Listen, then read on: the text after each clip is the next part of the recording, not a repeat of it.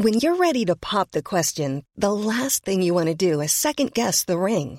At Bluenile.com, you can design a one of a kind ring with the ease and convenience of shopping online. Choose your diamond and setting. When you find the one, you'll get it delivered right to your door. Go to Bluenile.com and use promo code LISTEN to get $50 off your purchase of $500 or more. That's code LISTEN at Bluenile.com for $50 off your purchase. Bluenile.com code LISTEN. Hiring for your small business? If you're not looking for professionals on LinkedIn, you're looking in the wrong place. That's like looking for your car keys in a fish tank. LinkedIn helps you hire professionals you can't find anywhere else, even those who aren't actively searching for a new job but might be open to the perfect role. In a given month, over 70% of LinkedIn users don't even visit other leading job sites. So start looking in the right place. With LinkedIn, you can hire professionals like a professional. Post your free job on linkedin.com slash people today. Life is full of awesome what ifs, and some not so much, like unexpected medical costs. That's why United Healthcare provides Health Protector Guard fixed indemnity insurance plans to supplement your primary plan and help manage out of pocket costs. Learn more at uh1.com.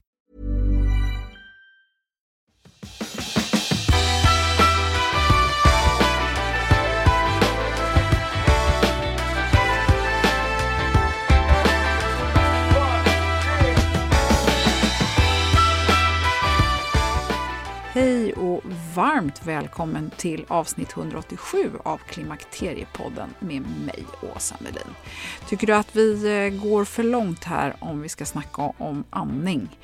Ja, kanske. Men eh, andas, det tänker man ju att man kan. Och första gången jag började fundera på det här med andningen ordentligt, det var faktiskt när Ellen Engvall sa att munnen ska man äta med och andas gör man med näsan. Och då inte bara under ett yogapass, utan generellt. Och nu har jag inför den här intervjun faktiskt funderat på det här med andningen ordentligt och jag har gjort en stor grej av att faktiskt använda just näsan. Både Uh, har jag gjort det genom att sova med munnen igentejpad och så har jag promenerat, jag har sprungit både långt och i backar och ja, verkligen för att känna efter vad är det som händer. Och dagens gäst hörde jag första gången talas om när Bitten Jonsson var med i avsnitt 85 och vi pratade om hjärnan och sockerberoende. Eh, det tycker jag du ska gå tillbaka till för där är det faktiskt ganska spännande när hon pratar om hur hjärnan blir kidnappad. Och det bland annat har med din andning att göra. Anders Olsson som är dagens gäst, han har under de senaste tio åren fokuserat på andning som ett kraftfullt verktyg och hans koncept och tankar bakom medveten andning har vuxit fram ur hans egna erfarenheter och böcker och forskning och han har applicerat avslappningstekniker och yoga och mental träning och massor med olika typer av kroppsmedvetenhet. Och så har han också haft tusentals kursdeltagare. Han har jobbat med elitidrottare och kunniga läkare och terapeuter och många andra kloka människor. Och då jag läste om honom och hans kunskap och förstod att andningen påverkar oss på så många olika sätt. Så, och det handlar faktiskt om allt från energinivåer, oro, sömnkvalitet, fettförbränning, verk, sexliv. Ja, visste du att vi tar ungefär 1000 andetag per timme? 24 000 andetag per dygn. Så ja, det kanske kan vara värt att fundera på hur man gör det på bästa sätt trots allt. Så välkommen att lyssna.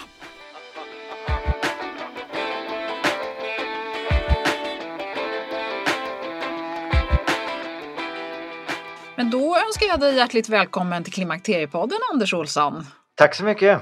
Du, är spännande! Du är föreläsare, utbildare och grundare av Medveten andning. Och du har skrivit en bok med samma namn och sen så har du ju hela ditt liv eh, haft en hjärna som gått på högvarv, säger du.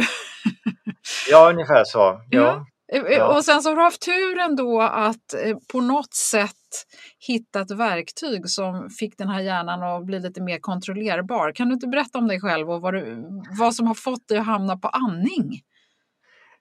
Ja, nej men eh, jag brukar väl säga att jag är född eh, lite i turbomod, att det har alltid varit eh, full fart, haft lite svårt att slappna av, svårt att komma ner i varv och försökt många olika sätt att förändra mina sömnvanor, arbetsvanor och matvanor och tankevanor. Men det absolut kraftfullaste verktyg alla kategorier har varit att förbättra mina andningsvanor. För att hjälpa mig då att lägga ur turbon, att komma ner i varv, att bli mer närvarande här och nu. Mm. Man säger ju att en människa kan leva utan mat i veckor och utan vatten i dagar men utan luft så dör vi på några minuter. Men jag tycker också att det är lite så spännande för att eh, precis redan när vi föds så börjar vi andas. Det är en av de få saker som vi faktiskt kan eh, med automatik. Ja.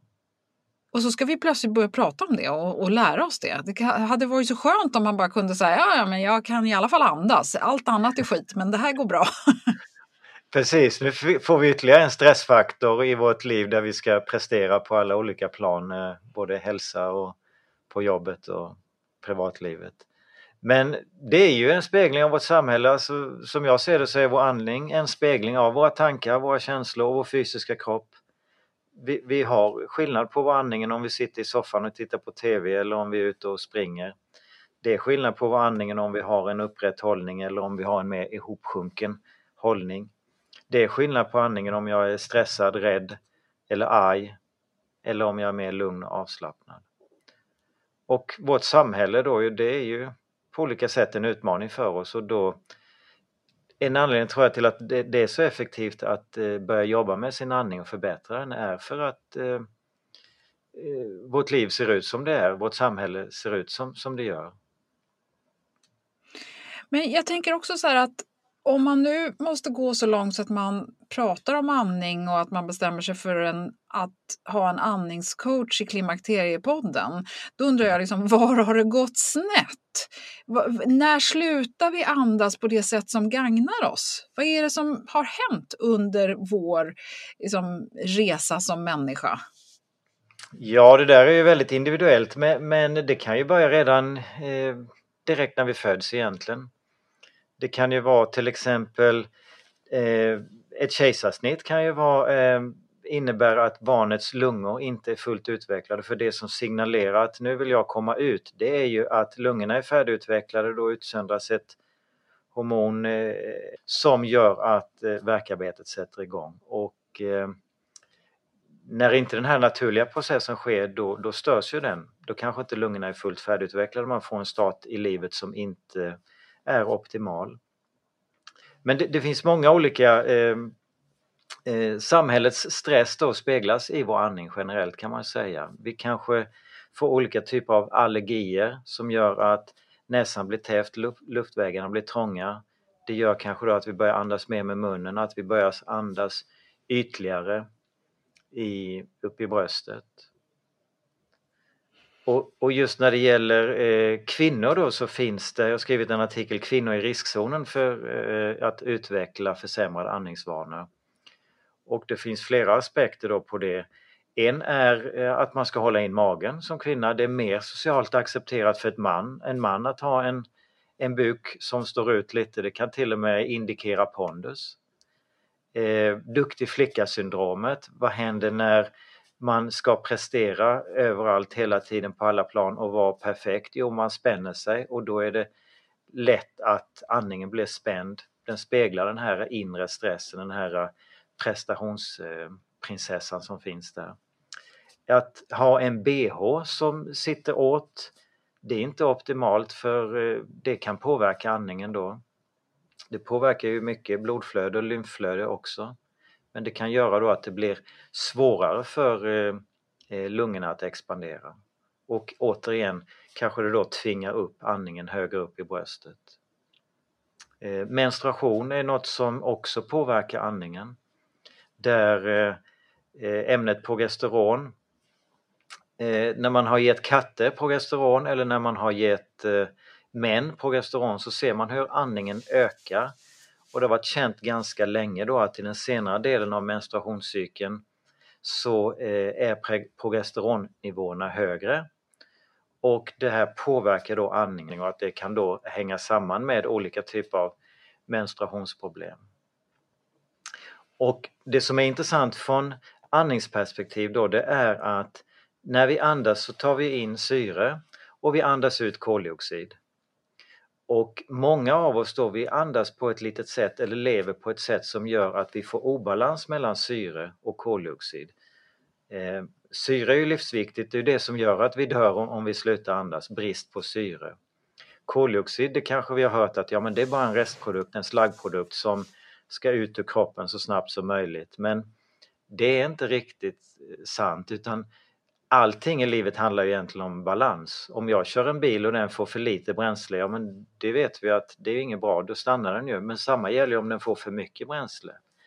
Och det sätt som många av oss lever på och som vi andas och när vi är stressade, då tar vi alltså in lite för mycket syre och vi andas ut lite för mycket koldioxid så vi sänker koldioxidnivåerna i kroppen. Koldioxiden då i vår kropp har många viktiga effekter. Det är inte bara en restprodukt, en slaggprodukt. Så när vi då antingen att vi andas lite för mycket eller att vi är inaktiva, när vi är väldigt mycket stillasittande, då minskar vi tillverkningen av koldioxid eftersom vår ämnesomsättning minskar. Så om det här två sammanfaller, att vi andas lite för mycket och, och, rör oss lite för lite, då sänker vi alltså det här koldioxidtrycket i kroppen. Och koldioxid då, Eh, tycker jag då, som kanske är lite partisk här eftersom det är väldigt mycket det jag pratar om, medveten andning går i, i, i stor utsträckning på att lära oss att hantera ett högre koldioxidtryck, att, att helt enkelt eh, eh, bli kompis med den här gasen. Och det, det som koldioxid gör är att det, det är det som styr andningen. Vi tror kanske att det är brist på syre som styr vår andning, men det är det inte. Det är alltså vår andningscentrum som finns i hjärnstammen där vi har massa överlevnadsfunktioner som reglering av hjärtslag och aptit och temperatur. Eh, där finns också vårt andningscentrum och när vi tillverkar koldioxid och det ökar och så når det till en viss nivå där andningscentrum triggas och säger okej okay, nu är det dags att andas in och så gör vi det. Vi gör det alltså på grund av att koldioxidnivåerna i kroppen har ökat. Och när vi på den påföljande utandningen då andas vi ut det här överskottet av koldioxid. Så om vi tänker oss att andning är kroppens viktigaste funktion och den styrs av koldioxid, ja men då kan ju inte rimligtvis koldioxid bara vara en simpel enkel restprodukt som vi bara gör oss av med eh, eh, eller ska göra oss av med så snabbt som möjligt. Och förutom det då att koldioxid styr andningen så är det också så att det har en påverkan på den glatta muskulaturen. Vi har tre typer av muskler, hjärtmuskler och skelettmuskler som vi kan kontrollera med viljan och så har vi den glatta muskulaturen som finns i luftvägar, blodkärl och eh, tarmar och även i livmoder. Och när vi då har lite lägre nivåer av koldioxid då drar de här eh, Eh, musklerna, den här glatta muskulaturen ihop sig lite mer. Så om vi har problem med astma till exempel, då kallas det bronkospasmer. Det är alltså då att det blir sammandragningar i eh, luftvägarna. Om vi har eh, kärlkramp, då är det ju ihopdragningar av blodkärlen. Och det sammanfaller då alltså med lägre nivå av koldioxid. Det blir ju lite så att man hamnar, tänker jag i alla fall, att man hamnar i en, en dålig, cir, liksom, dålig cirkel här. För ja. att det ena föder det andra så att säga. Så, så då ja. måste man ju som från början på något sätt skapa rätt andningsteknik här tänker jag så att man inte hamnar i, i vare sig djup avslappning eller panikångest utan man ska vara i, i en god balans. Hur gör man det då? Ja, jag tänker att det första steget är medvetenhet och att då bli medveten om min andning i olika situationer i vardagen. Hur kan jag göra då för att förbättra de här att, att eh, ta ett steg taget och ta fler och fler av dem på ett sätt som är i linje med min kropps behov. Medvetenheten då så att man börjar se mönster och samband. Aha, innan en astmaattack, ja men då är min andning inte så himla bra eller nu är jag stressad, nu är jag uppe i varv eller nu är jag förbannad eller nu är jag eh, olika typer av känslor eller olika typer av tillstånd, eh, stress så är min andning också där ofta och speglar. Och det jag kan göra då det är bara att gå till min andning och eh, det är väldigt enkelt egentligen. Det här är absolut inte raketforskning utan det som är så fantastiskt är ju att vi alla har med oss vår andning 24 timmar om dygnet. Vi kan när som helst gå till vår andning och är jag lite stressad då är troligtvis min and lite stressad. Så det jag kan göra då det är att stänga munnen, andas genom näsan och att förlänga utandningen lite. Så om vi, om vi tänker oss, om jag överdriver lite, ah! hjälp! En fara, en tiger eller vad det nu är som vi... Då är en vanlig reaktion att vi drar efter andan, vi andas in. Ah! Inandning är alltså kopplat, kopplat till vårt kampflyktsystem. Det är kopplat till aktivitet, det är kopplat till eh, att vi ska göra saker. Om man, om man skulle bara mäta pulsen och notera hur, den, eh, hur pulsen är när vi andas in och när vi andas ut så skulle vi märka att vid inandning så ökar pulsen lite faktiskt. Medan vid utandning så gäller det omvända. Om vi överdriver igen. Oh, nu är faran över. Äntligen kan vi pusta ut. Nu kan vi slappna av. Och det här kan man använda då om man är lite stressad upp i varv, om man eh, Eh, inte är närvarande i nuet utan eh, befinner sig Ofta är vi ju mycket uppe i huvudet då ju. Så jag kallar övningen andningsankaret. Du tänker dig ett ankare som sjunker lägre och lägre och lägre ner i kroppen och förankrar dig. Och där har vi nyckeln i utandning då. Så om vi stänger munnen och förlänger utandningen lite, lite, lite då kommer den påföljande inandningen också att bli lite lägre. Vi aktiverar vår diafragma, vår viktigaste andningsmuskel. För ofta när vi är stressade upp i varv, ja men då är andningen ytlig högt upp i bröstet, den är snabb och den är kanske också genom munnen. Så om vi gör bara egentligen det omvända, stänger munnen, förlänger utandningen lite, då får vi en lägre inandning. Vi får också en mer rytmisk andning och vi får också en mer långsammare andning. Och då påverkar vi hjärtats rytm och hjärnans rytm. Ja. Och, och får vi samtidigt bra balans mellan syre och koldioxid? Ja, det får vi, precis. Men du, du pratar ju väldigt mycket om det här med att man ska andas genom näsan, in ja. och ut genom näsan. Ja. Och jag tänker så här, nu har jag, i och med att du och jag pratade för några dagar sedan, så har jag praktiserat det här. Eh, ja. Första natten gjorde jag ett misstag. Jag tog sån här målartejp och maskeringstejp och satte över munnen. Så jag har inga hårstrån kvar runt på överläppen, det kan jag garantera. Okay. Men läpparna är kvar? Ja, de är kvar. De är lite skinnsargade. Sen, okay. sen har jag kört med kirurgtejp ett par nätter också. Och, och sen ja. så har jag provat att springa fort och jag har provat att springa lite långsamt och jag har provat att promenera och verkligen fokusera på den här näsan.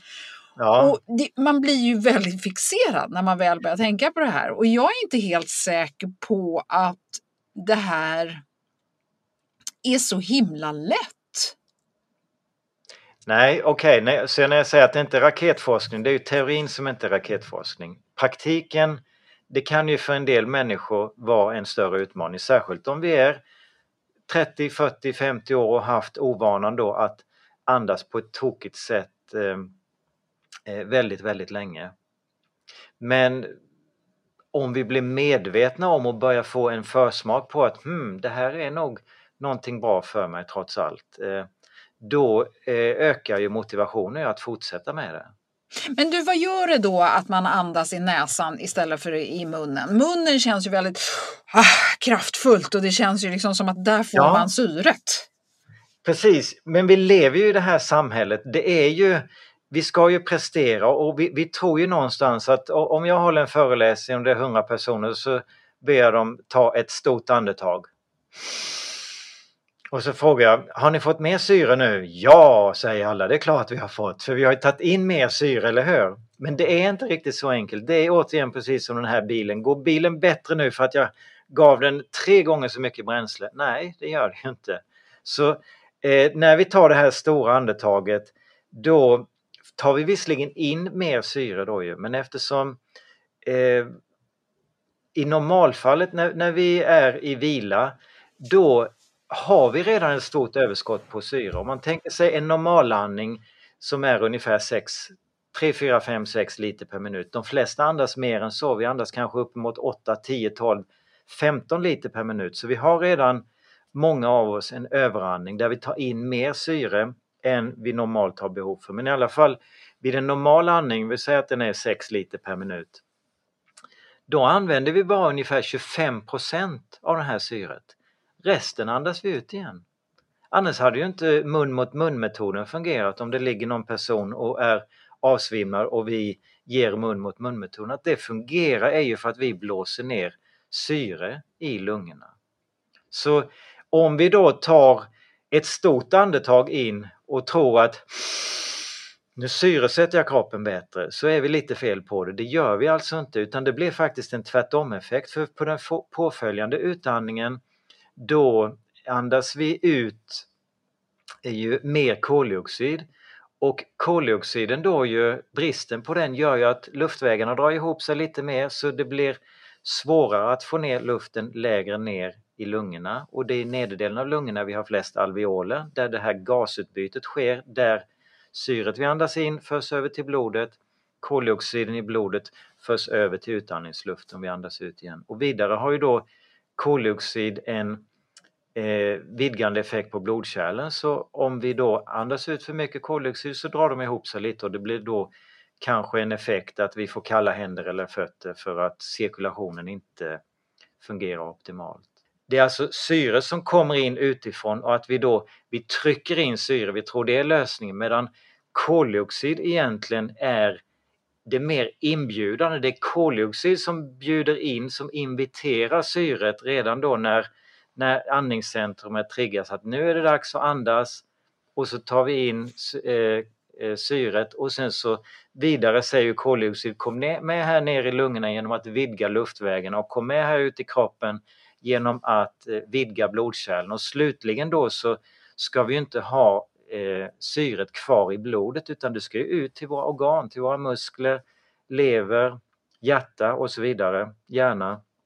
Men, men får man inte, liksom när man tar de här stora, djupa, kraftfulla andetagen, får man inte, jag menar det kommer ju koldioxid på köpet också, eller hur? Jag menar, jag förstår inte vad faran är, varför är det här inte bra? Ja, det blir en obalans helt enkelt då. Det blir för mycket syre och för lite koldioxid. Okej, så koldioxiden är någonting som vi gör själva medan syret ja. är det vi tar utifrån? Japp, vi är koldioxidfabriker. Så, så, om man drar det här till sin spets, om, om du tänker två eh, ytterligheter. En person som sitter i djup meditation och avslappning jämfört med en person som är eh, i en panikångestattack det som skiljer mer än någonting annat de här två eh, tillstånden, det är inte huruvida de är nyförälskade eller går igenom en skilsmässa eller om, om de har blivit arbetslösa eller precis fått ett jobb eller om de har ätit bra eller dåligt eller sovit bra eller dåligt. De avgörande skillnaden mellan de här två tillstånden det är koldioxid. Så den person som sitter i djup meditation och avslappning sitter ju inte och andas stort och snabbt utan andas ju långsamt och litet och rytmiskt medan personer med panikångestattack har ju garanterat en kraftfull snabb andning. Det är därför som om man har panikångest och kommer till sjukvården då får man en påse att andas i. Och anledningen till att påsandning fungerar det är ju för att vi, vi då andas ut ungefär 100 gånger mer koldioxid än vad vi andas in. Så när vi andas ut det i påsen och sen så återandas vi då en del av den här eh, koldioxiden och det är det som gör att vår stressade panikhjärna då kan eh, eftersom koldioxiden då får blodkärlen att slappna av så mer syre kan nå upp till hjärnan. Mm. Mer blod. Och den här, det här används också vid hjärnkirurgi. Då är vi vanligtvis eh, nedsövda och då, då har man, ligger man och andas i en respirator och då ställer sjukvårdspersonalen in respiratorn på en överandning så att man andas lite mer än kroppen har behov för. Man andas alltså ut lite mer koldioxid och då dras blodkärlen ihop, blodflödet minskar till hjärnan och då eh, blir det mer rum, utrymme för eh, eh, kirurgen att operera för att hjärnan krymper då. Och det är ju jättebra säkert vid, en, vid hjärnkirurgi, inte lika bra i vårt dagliga liv när vi ska göra kloka smarta matval eller lösa något problem eller hantera en konflikt med barnen.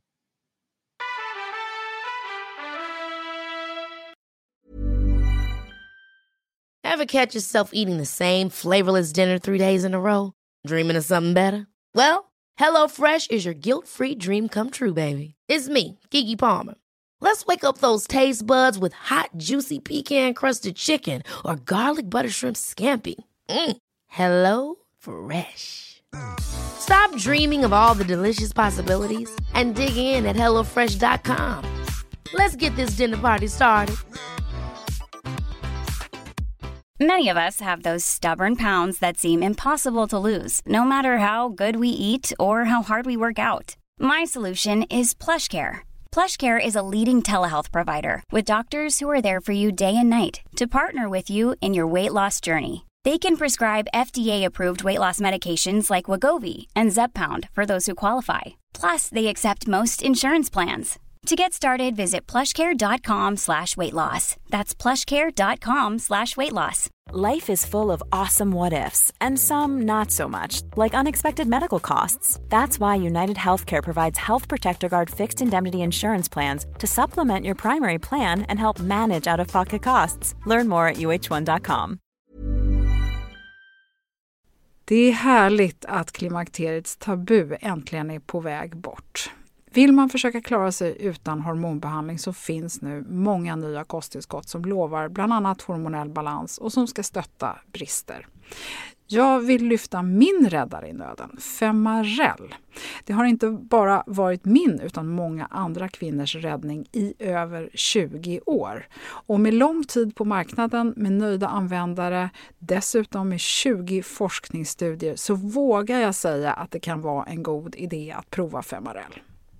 Femarel finns på apoteken och i hälsokostbutiker. Tack Femarel som varit min samarbetspartner i många år.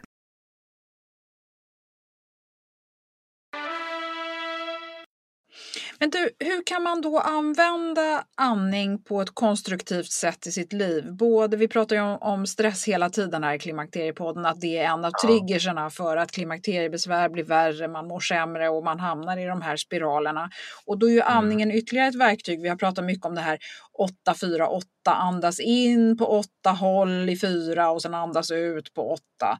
Eh, ja. Som ett sätt att liksom få kontroll över sig själv. Jag använder det här själv ibland om jag liksom sitter i bilen och hetsar upp mig och, eller om man liksom bara har haft ett dåligt samtal eller vad det nu kan vara så, så går det ju ganska fort att komma ner igen. Kan du inte ge ja. oss några sådana här bra eh, ja, verktyg helt enkelt? Ja, min favorit är ju då andningsankaret där man kan tänka sig tre in och sex ut. Eller en relation som funkar för en själv, kanske två in och eh, fem ut eller något liknande. Men där man har ett fokus på en förlängd utandning. Mm. Men gör man inte av med för mycket koldioxid då när man andas ut på sex och in på tre? Nej, eftersom du samtidigt ju sänker ju andningsfrekvensen du sänker andningsvolymen, alltså mängden luft som du andas in och andas ut. Mm. Mm. Du, berätta hur man gör då. Hur känns det när man liksom andas på rätt sätt? Eh, ja, men det är ju tänkt att precis som vi började med här, det är en automatisk funktion. Inte tusan ska vi behöva bry oss om den, det ska ju sköta sig självt. Men ibland går saker och ting lite snett då. Och det är då ju ett kraftfullt verktyg för att bli mer närvarande här och nu och eh, ta sig ur den där stresscirkeln om vi befinner oss i den. Så ett sätt är ju, eh, det första då är ju, jag tänker att en bra andning börjar i näsan, munandning. Det är helt enkelt kall och torr och rå luft som vi tar in full av bakterier. Vi andas in ungefär 100 miljarder partiklar på ett dygn enligt forskning på Karolinska. Det är ganska mycket.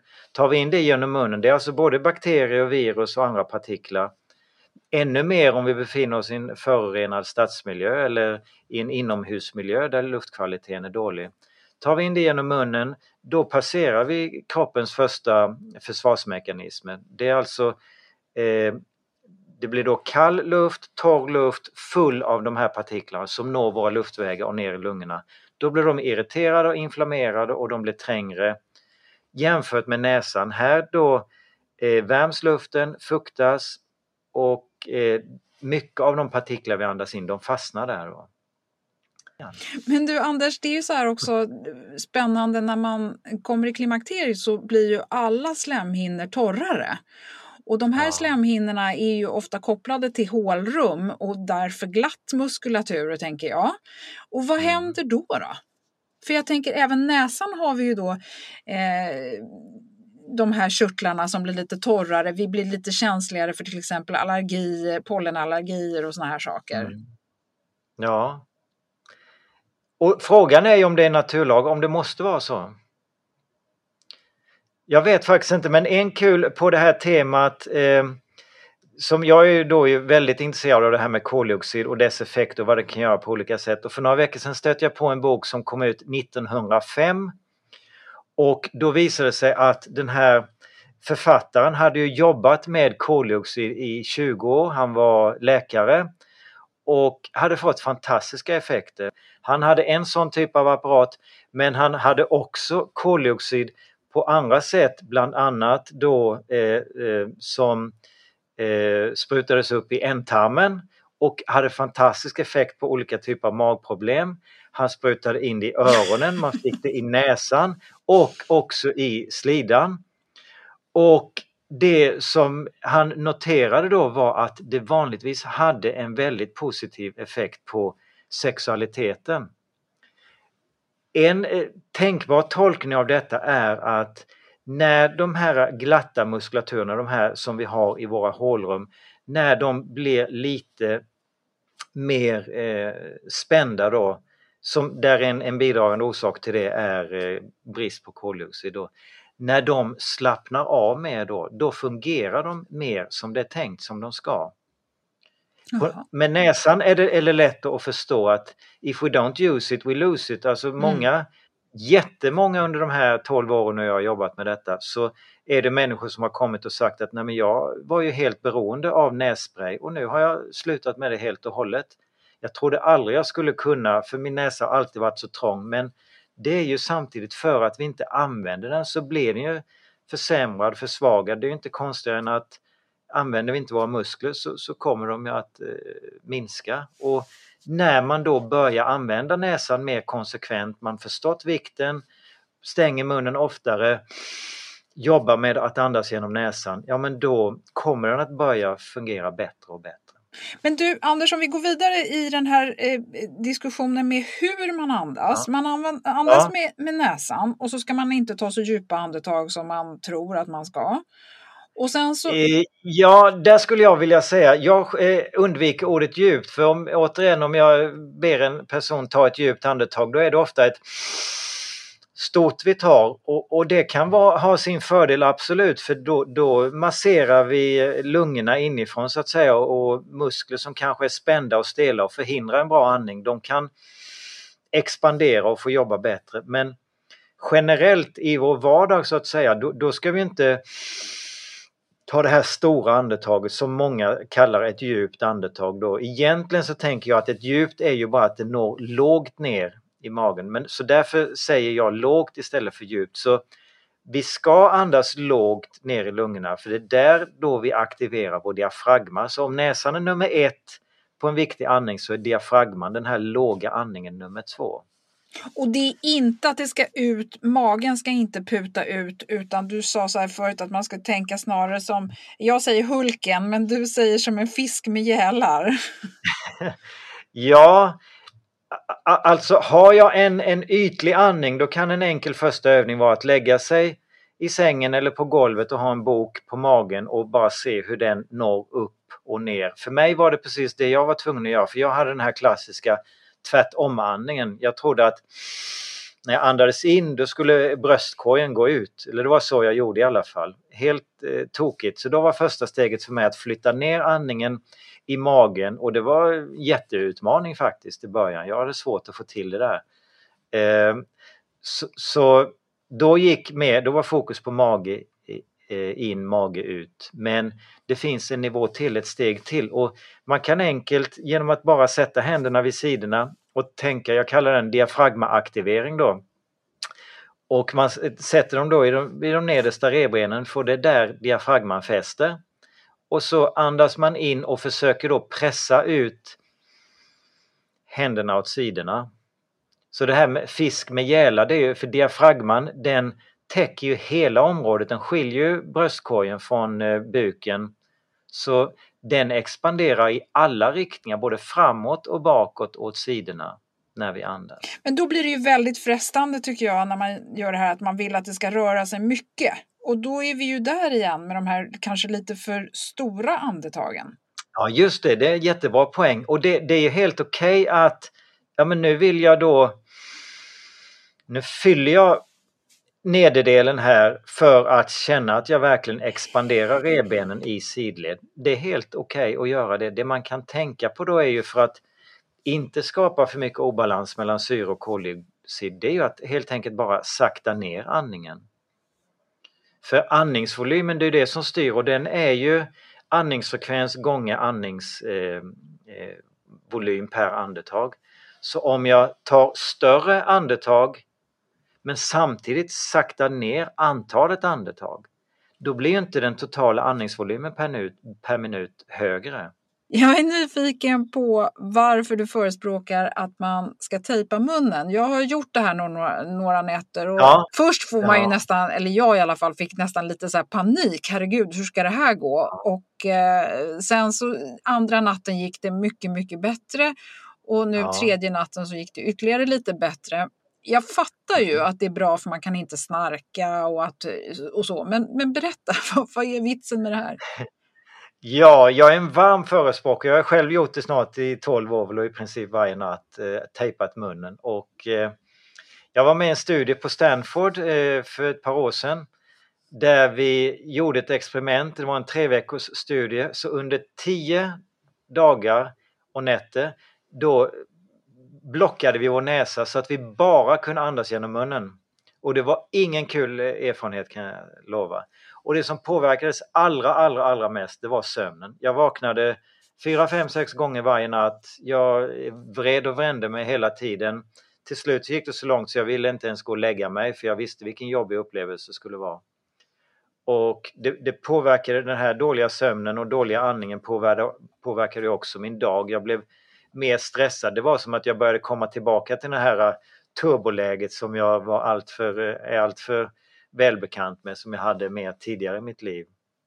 Och eh, det förändrade även mina matvanor. De sista fyra dagarna då, eh, då var det socker och glass varje dag och de två sista dagarna var det pizza och öl och hade jag fortsatt, jag lovar att jag, det var det, snabba kolhydrater, det var det som jag ville ha.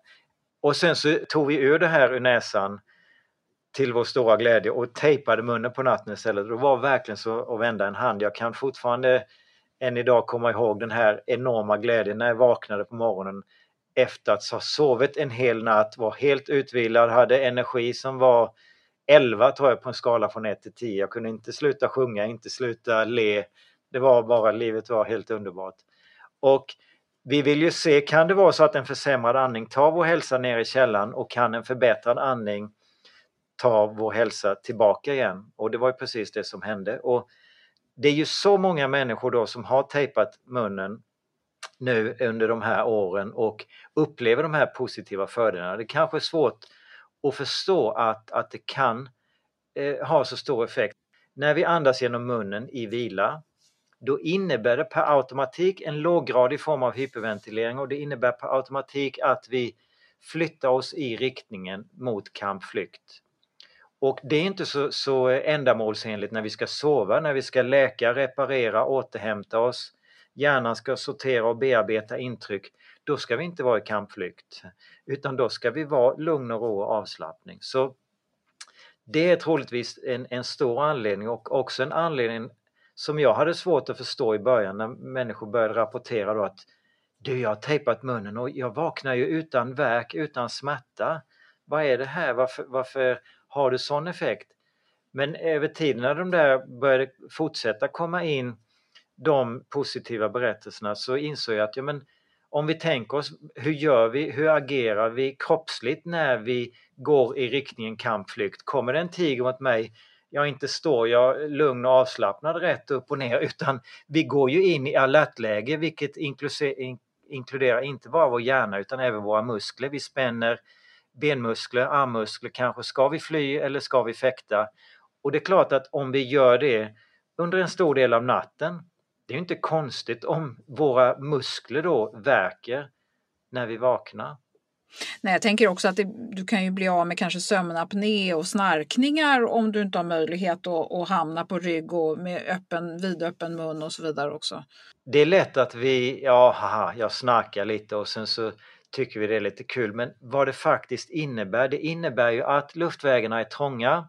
Så trånga så att det uppstår ett ljud och det innebär ju att andningen inte kommer att eh, nå så lågt ner i lungorna. Vi kommer inte aktivera diafragman på samma sätt utan den kommer att bli mer ytligare och då får vi kompensera genom att göra den snabbare. En liknelse är att om jag kör bilen och har handbromsen lite åtdragen ja men då får jag trampa lite hårdare på gasen. Inte särskilt effektivt. Mm.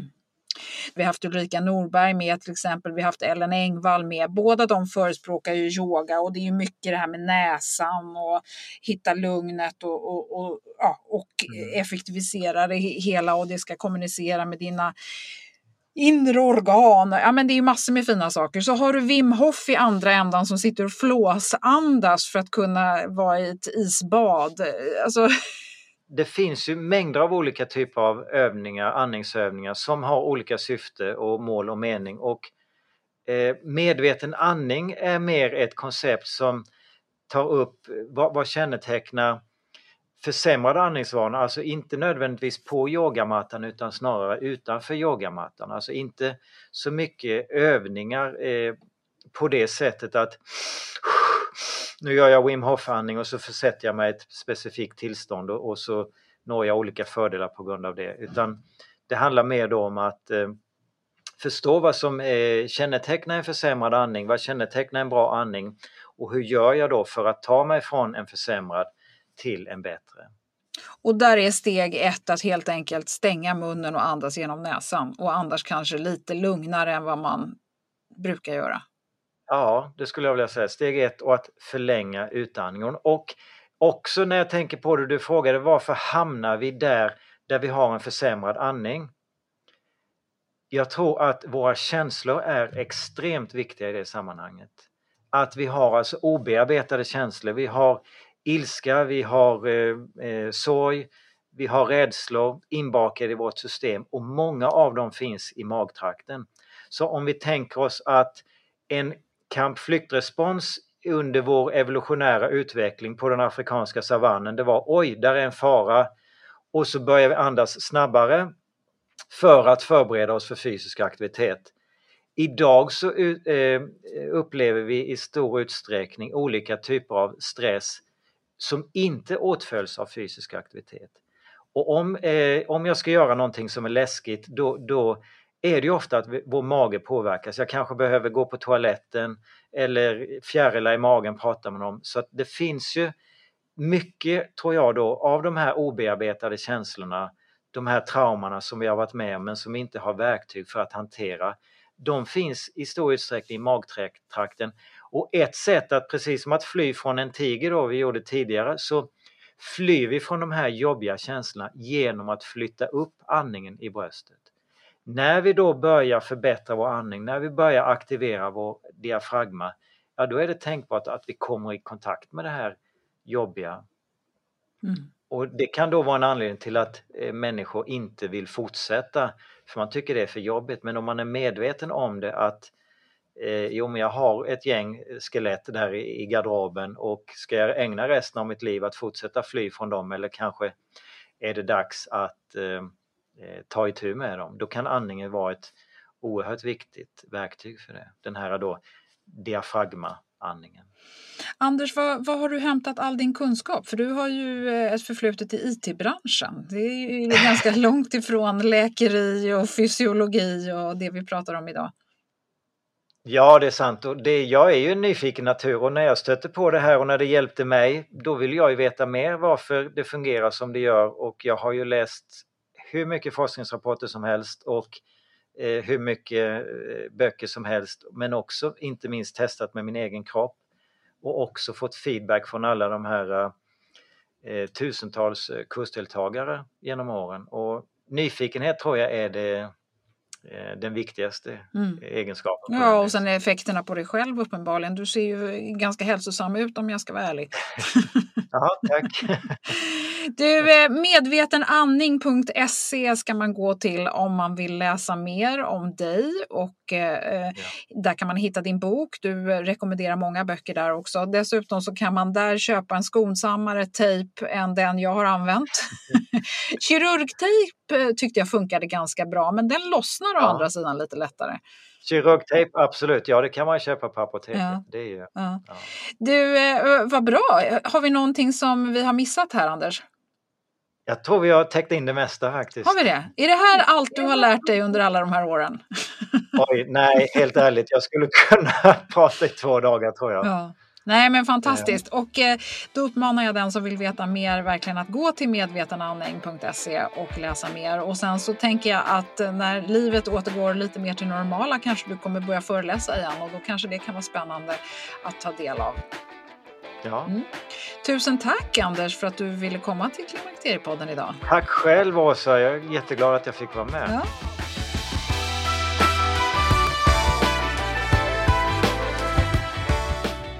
Ja, en bok som skrevs av en man 1905 och pratar om förbättrad sexualitet. Ja, undra ur vems perspektiv det var och undra om det har med torra slemhinnor att göra.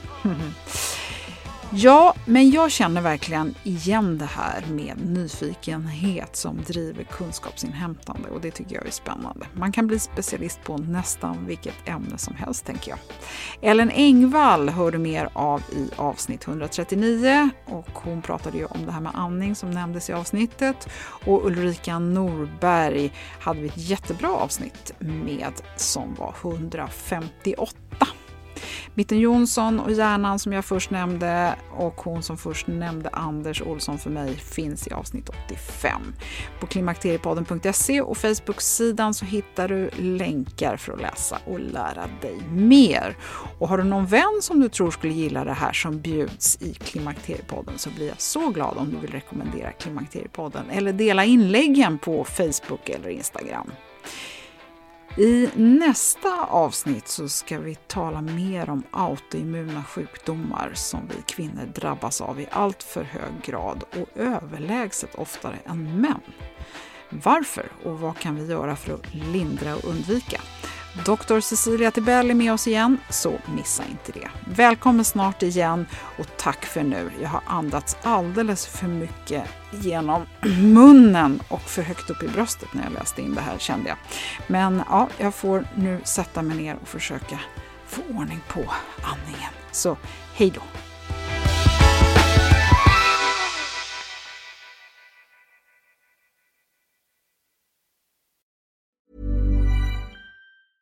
Ever catch yourself eating the same flavorless dinner three days in a row? Dreaming of something better? Well, HelloFresh is your guilt-free dream come true, baby. It's me, Gigi Palmer. Let's wake up those taste buds with hot, juicy pecan-crusted chicken or garlic butter shrimp scampi. Mm. Hello Fresh. Stop dreaming of all the delicious possibilities and dig in at HelloFresh.com. Let's get this dinner party started. Mm-hmm. Imagine the softest sheets you've ever felt. Now imagine them getting even softer over time. That's what you'll feel with Bowl and Branch's organic cotton sheets. In a recent customer survey, 96% replied that Bowl and Branch sheets get softer with every wash. Start getting your best night's sleep in these sheets that get softer and softer for years to come. Try their sheets with a 30-night guarantee. Plus, get 15% off your first order at bowlandbranch.com. Code BUTTERY. Exclusions apply. See site for details. Planning for your next trip? Elevate your travel style with Quince. Quince has all the jet setting essentials you'll want for your next getaway, like European linen, premium luggage options, buttery soft Italian leather bags, and so much more. And is all priced at 50 to 80% less than similar brands. Plus, Quince only works with factories that use safe and ethical manufacturing practices. Pack your bags with high-quality essentials you'll be wearing for vacations to come with Quince. Go to quince.com slash pack for free shipping and 365-day returns.